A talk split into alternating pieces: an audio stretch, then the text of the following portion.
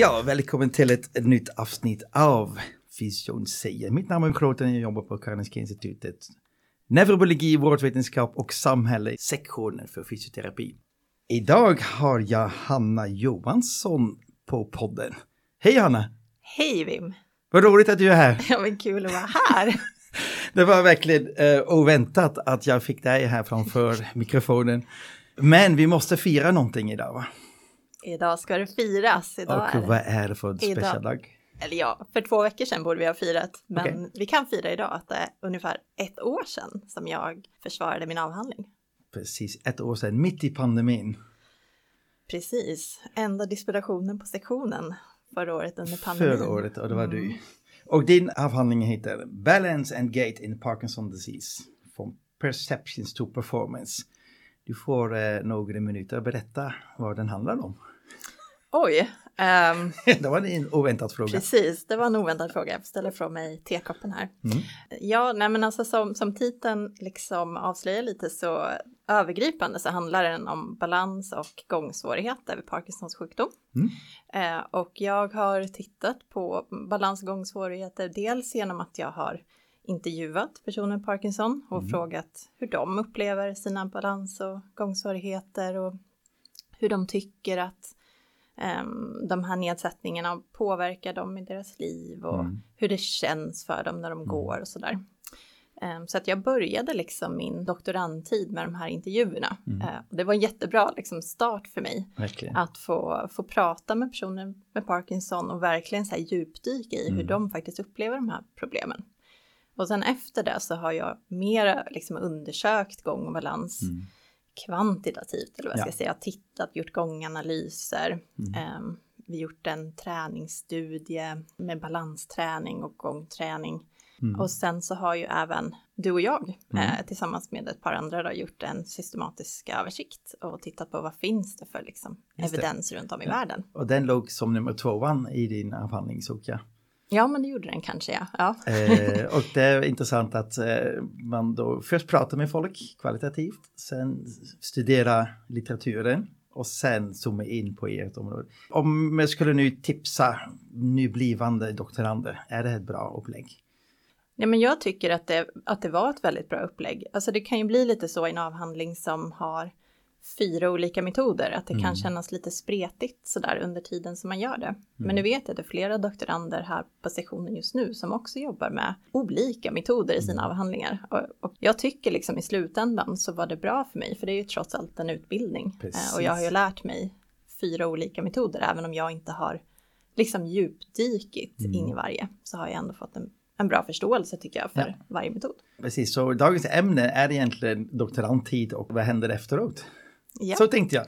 Men eh, jag tyckte det var en bra start på vårt samtal så att du verkligen visar vad som kan hända under en doktorandperiod. Och för dig måste det vara väldigt speciellt här nu med pandemin också, i de två åren, eller ett och ett halvt år, precis när du skulle disputera och så. Mm. Men jag hade ändå lite sådär eh, tur i oturen ska jag säga, mm. för vi hade precis avslutat vår datainsamling, ja. våran sista, eller min sista datainsamling, eh, precis där årsskiftet okay. 2019-2020. Ja. Så sen så och dessutom hann jag liksom innan pandemin drog igång riktigt på allvar eh, hinna åka iväg på en forskningsvistelse utomlands i sex ja, veckor. Eh, och sen när jag kom hem då var det totalt Stopp. liksom. jag, jag, jag kom det. precis hem från, ja, det var från USA. Jag, jag liksom. kommer ihåg, det var lite dramatiskt där, du fastnade nästan. Jag fastnade men bara ett par dagar liksom extra i USA eh, mm. och sen kom hem till eh, att det inte fanns något toapapper på ICA längre och Nej. liksom totalt, eh, fick inte vara på. Ja, men, men sen liksom, eh, jag kanske är en av få personer som faktiskt upplevde att det var, eh, att det passade mig med en pandemi mm. att stå, för sen så skulle jag ju hem och bara sitta och skriva kappan. Ja. I princip. Eh, så att jag kunde liksom sitta hemma på, på mm. balkongen och bara skriva dygnet runt. Just det. Eh, så det blev ganska... Vad roligt att höra på det här exemplet som en doktorandtid kan se ut. Men eh, om vi nu backar och vi tar det lite stort, och hur många doktorander finns det i Sverige? Det var en oväntad fråga. Okej. Okay. Vad skulle du gissa? Ja, oh, herregud. Ja, om vi tar 2020, hur många doktorander? Hur många doktorander? I alla, alla universitet i Sverige? Alla universitet Gud, i Sverige. Jag, jag precis kollade upp, jag googlade precis. Men äh, alla som får lyssna får gissa. Men svaret är 2574. Ja, jag trodde nästan att det var ännu fler. Mm. Det känns som att det är jättemånga bara här på KI. Ja, och mm. hur många har vi då på KI då? Ja, men då så skulle jag, ja men vi borde väl ha, jag säger tusen då. Nej, 334. Nej, men det var 2020, men jag tittar lite bakåt i tiden också. Det, det hände inte så mycket. Pandemin är lite, det här är naturligtvis en liten tröghet i vårt system, eh, så det har inte påverkat pandemin så. Men 334 på KI, eh, ungefär 1300 eh, kvinnor, 1200 män i Sverige. Eh, i, på KI var det lite fler kvinnor än män också. Eh, det största universitetet faktiskt var Lund med 365. Mm -hmm. Det var också intressant. Va? Ja. Och så eh, är det då i alla olika ämnen då, men eh, det största ämnet är då medicin, faktiskt en tredjedel doktorerar inom medicin och hälsa. Ja, nu fick vi lite fakta här doktorander. Och då är det frågan, hur, av de är nu 2574, hur vanligt var din resa då? Tror du att det skulle vara representativt? Um, ja, alltså nu har jag ju mest träffat doktorander såklart här då som, som doktorerar inom mm. olika vårdämnen och där skulle jag nog säga att jag är ganska representativ. Mm. Um, jag tycker att jag, man liksom känner igen sig när man pratar med andra som kanske ligger lite före, att man liksom, man följs åt på samma resa. Ja. Um, så det skulle jag nog säga, jag tror inte att jag sticker ut på något vis. Nej. Men eh, det är kanske lite ovanligt med fyra metoder. Ja, det kanske det är. Fast jag upplever nästan att eh, nu senast när vi hade Journal Club så var det Just många det. som liksom beskrev som olika metoder. Mm, så att, ja, men det kanske är lite ovanligt med fyra olika metoder. Men eh, jag tror inte det är helt ovanligt Nej. nu att man blandar i alla fall kvalitativa och kvantitativa ja. metoder. Man. Att man börjar se liksom mm. nyttan i det. Precis. Hur många har doktorsgrad i, i Sverige då?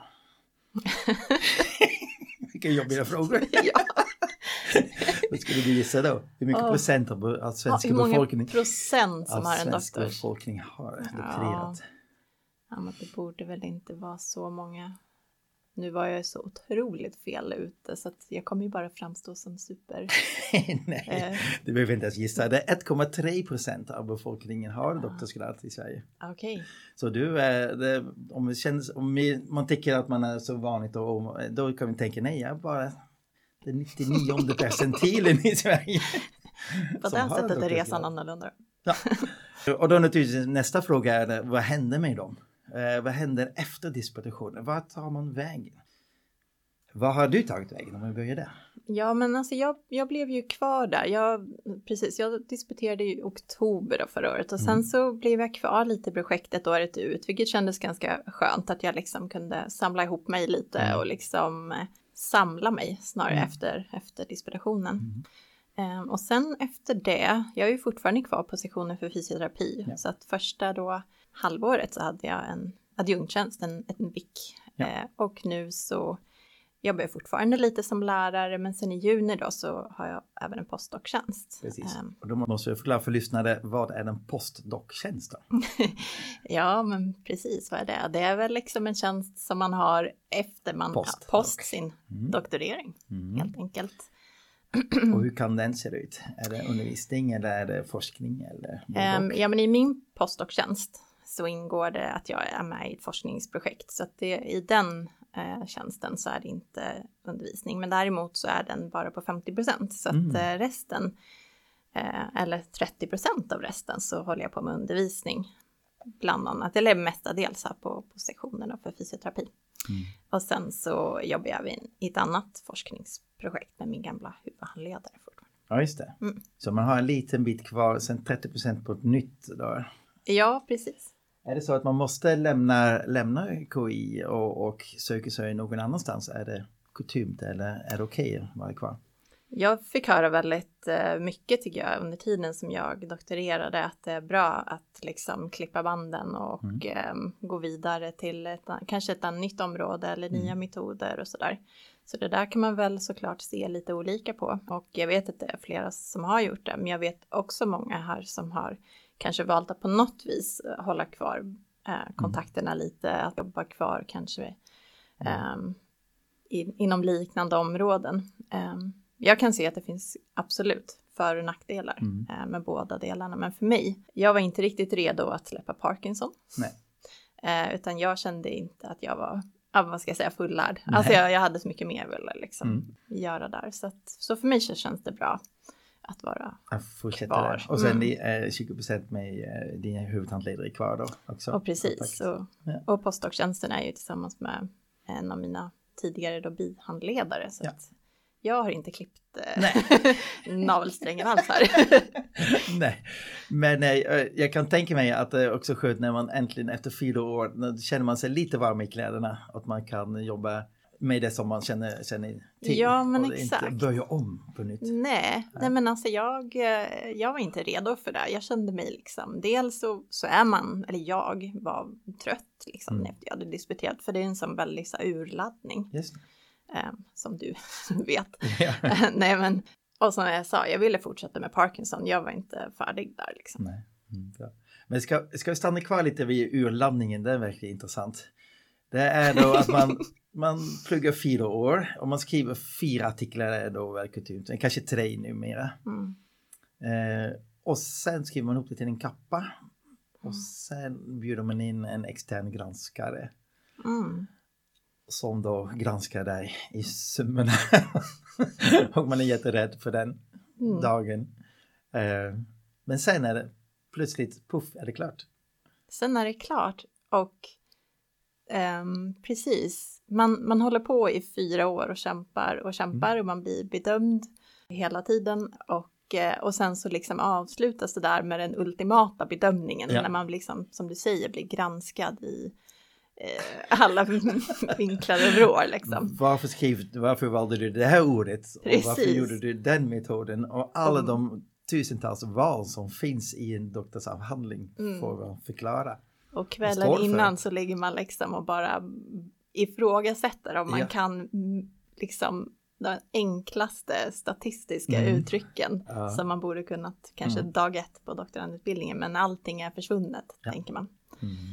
Och sen så, så gick det ganska bra. Ja. Eh, eller liksom, det, det funkar ju och mm. det som jag kände var så skönt efteråt var att eh, jag verkligen kunde känna att, att det var färdigt. Mm. Att det liksom, jag gick inte och funderade i efterhand, men gud, jag borde ha svarat så där mm. eller jag borde gjort det där annorlunda, utan att det kändes så himla skönt att kunna ja. släppa det.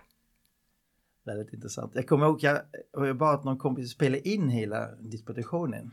Tänkte, kan jag titta efteråt? Men jag har inte öppnat den filmen. Jag vill inte, den var klar. Jag stängde ja. butiken. Ja, varför ska jag titta där? Nej men precis, jag har ju också det där sparat för att eh, nu så eftersom... Nu var det Zoom ja. Ja precis, då i den vevan där så kunde man, jag tror att vi var 30 då som kunde vara i själva salen. Ja. Och sen så var det ju med en massa via Zoom istället så då spelades det in och sådär.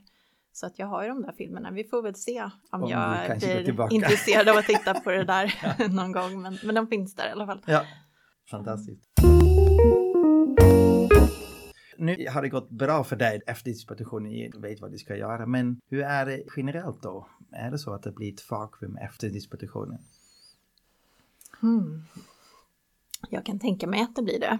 Mm. Um, sen är man ju olika, liksom. vissa, vissa är ju väldigt sådär um, försigkomna, att man kanske mm. planerar det här långt innan och man vet precis vad man vill. Men jag kan också tänka mig att det finns en stor andel som faktiskt hamnar i det där vakuumet, att mm. man inte Eh, just på grund av att det är en sån stor urladdning. Mm. Så man tappar lite koncentration och fokus på, mm. på någonting annat än just den där yeah. boken. Ja. Så eh, som jag sa, liksom, det, var, det var bra för mig att ha de här två månaderna när jag liksom kunde ja. landa efteråt. Och... Precis. För annars måste man lägga de månaderna innan disputationen, man måste börja mm. söka jobb samtidigt man skriver boken och jag förstår att väldigt många inte gör det. Mm. Och hamnar då i ett vakuum. Jag läste precis en liten rapport av SULF, eh, Svenskarnas universitetslärarförbundet, där man förstod att även med den högsta examen i Sverige är det svårt att, att hitta rätt efteråt. Att det inte finns tydliga karriärvägar. Har du också märkt det? kanske inte har funderat riktigt i de banorna. Alltså jag har mitt sjukgymnastyrke i botten ja. och och eh, hade jobbat i många år innan jag började doktorera så att ja. jag kanske också känner att, eh, eller för, för mig var det aldrig liksom en, en oro att skulle jag inte få en postdoc-tjänst eller skulle jag inte, mm. då så skulle jag även kunna jobba som sjukgymnast igen. Det. Det så det kan nog vara mm. olika beroende på vad man har för bakgrund. Ja, jag vet att några som disputerade och inte hittade, gick tillbaka till eh, fysioterapi eller sjukgymnastyrket känner sig så lugna, så något som man känner igen och det var så härligt. Mm. Men eh, naturligtvis är det, eh, ja, varför lägger man fyra år av sin, sin livstid på en bok och så går man ner i lön och, och mm. stress i familjen och allt det där. är det värt att gå tillbaka till en vanlig fysioterapitjänst då? Nej, nej, men jag vet inte, för vissa är det säkert det. För ja. vissa har ju liksom um, gjort sitt doktorandarbete på sin kliniska vardag. Mm. Och, och där tror jag absolut att det är värt att gå tillbaka så man liksom eh, känner att ja, men det var ju för det här jag faktiskt disputerade. Ja. Men det jag tycker också att det är otroligt synd att det inte finns bättre möjligheter mm. för oss som fysioterapeuter eller sjukgymnaster mm. att kunna kombinera på ett bättre sätt. För nu blir det lätt att man hamnar antingen inom forskningen eller som kliniker. Ja. Precis, att det inte är den här kombinationstjänsterna. Mm. Eh, och sen finns det då ett tredje ben då att vara lärare och du har hamnat där också. Mm, mm. Ja men precis, jag har ett ben här och där nu förutom i kliniken. Mm. Precis, men det, men det är ju liksom jätte, jättebra att man har det där. Eh, dels är det liksom bra meriterande, men det är mm. också bra att, att helt plötsligt vara den som faktiskt får en massa frågor. Mm. Eh, för det var också en ny, eh, lite tuff vardag, att jag inte var den som fick ställa frågor längre. Nej. Nej. Utan jag blir frågad saker Precis. som jag inte alltid har snabba svar på. Man har nördat in sig i ett litet smart område på fyra år. Du är expert på detta då. Balance and gate in Parkinsons disease. Ja, det får man väl kanske säga då. Mm. Um, men man märker att man blir expert på just sitt lilla område. Mm. Um, man har nördat in sig som du säger. Uh, kanske inte alltid blir så där jättebred på allt annat som man helt plötsligt mm. ska ja, men undervisa i eller liksom ja. tänka kring. Precis. Nu kommer en jobbig fråga till. Vad händer om tio år? Vad är du då? Är det tillbaka till kliniken eller är det hade utvecklats inom? Nej, men jag, jag vet inte, jag, jag har svårt att se just nu att jag om tio år skulle vara tillbaka i kliniken. Um, men jag hoppas att jag liksom, alltså jag, jag, som jag tänker nu, jag vet inte, Nej. men att uh, jag vill vara kvar inom forskningen. Men däremot så tycker jag att det är roligt att hålla på med kanske mer kliniknära forskning. Yes. Um, Mm. Så att eh, på, på det sättet hoppas jag att jag på ett vis är tillbaka i kliniken. Eh, och vilket jag eh, lite halvt om halvt är i min postdoc-tjänst. Mm. Ehm, så det tycker jag, eh, det, det, är det jag skulle vilja hålla på med. Och mm. Så får vi se, får vi får se ifall det fortfarande är Parkinson eh, som gäller då också. Ja. Kanske fastnar där för livet. vet man inte. Um, om man pratar lite generellt, man brukar ha postdoc kanske utomlands också. Mm. Har du funderat i de banorna? Jag gjorde det från början. Ja, det var lite eh, som... under din doktorandutbildning redan utomlands. Ja, ja, Men, men nu så känner jag mig ganska nöjd med att vara kvar här i Sverige. Mm. Jag tror inte att jag eh, blickar utomlands. Mm. Känner mig, men det kanske också är pandemin som har påverkat. Mm. Att man liksom, inte så att, att för att det nödvändigtvis blir svårare, men man kanske man har blivit ganska sådär hemmakär. Mm. Ett avsnitt i podden brukar handla om myter och osanningar. Har du någonting? Det var en myt som jag tänkte vi kan ta upp för att ganska stor del av min forskning och faktiskt någonting som jag verkligen fick upp ögonen för i de här intervjuerna som jag mm. gjorde. Det var just det här att det är så svårt, eller ofta blir svårt för personer med Parkinson att göra flera saker samtidigt. Mm. Eh, dual task-förmågan försämras i och med att, att gångautomatiken försvinner eller ja. liksom blir sämre. Så det har ju jag undersökt, uh, gjort gånganalys och personer har fått gå och så har de dels fått gå precis som vanligt och så har de fått gå uh, samtidigt som de tänker på någon eller liksom har en, en kognitiv uppgift ja. samtidigt. Så, så har vi tittat på ja, men hur förändras gången och hur förändras det, hur, hur bra man gör den här mm. kognitiva uppgiften och sen har vi tittat på vad är det som påverkar det där. Ja. Och när vi gjorde de här testerna så var det väldigt många män ja. som sa så här, nej men det här går inte för att jag är man, du vet, ja, så där skratta bort det där lite. Mm. Eh, och det är en myt som i alla fall den här studien har eh, liksom slagit hål på för att det spelade ingen roll om man var man eller kvinna. Oh, man är lika bra så på det. Eller lika är... dåligt. Exakt. Så det var väl den eh, spontant så den myten. Ja just det, det var väldigt Parkinson specifik myt här nu. ja, fast jag tror, kanske känner inte du igen dig där? Lite grann. Har du någonsin skyllt på det? Nej, inte jag.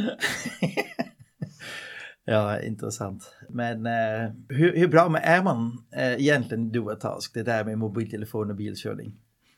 Ja, man är ju inte så bra på det. Nej, ja, tror. Så att det finns ju en väldigt, finns ju någonting bakom att man inte får uh, köra bil och skicka sms samtidigt. Mm, precis, det är bra. Man tror att man kan det, men Ja, nej. men det är så mycket som påverkar hur, um, mm. hur bra man är på det där. Och vi är ju olika bra på det, Just men det. också att man blir, man blir sämre på det med ju äldre man blir också. Mm.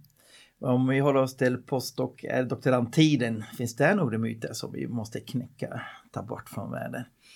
Exempel att det är så lugnt eller oh, så gud, jobbigt. Finns det myt som säger det i sådana fall? Men äh, de fick bara, det sista halvåret fick vi bara sitta och skriva en bok. Jag satt ju på balkongen i ja, solen och skrev en bok. Uh, ja men det där går ju vågor, men jag, nej, om, om det nu finns en sån myt ute att det är en lugn tid de här fyra åren, mm. då, då skulle jag absolut vilja slå hål på den. Däremot så, jag menar den här stressen går ju upp och ner. Så ja. det är, sen inte för, fyra år av stress.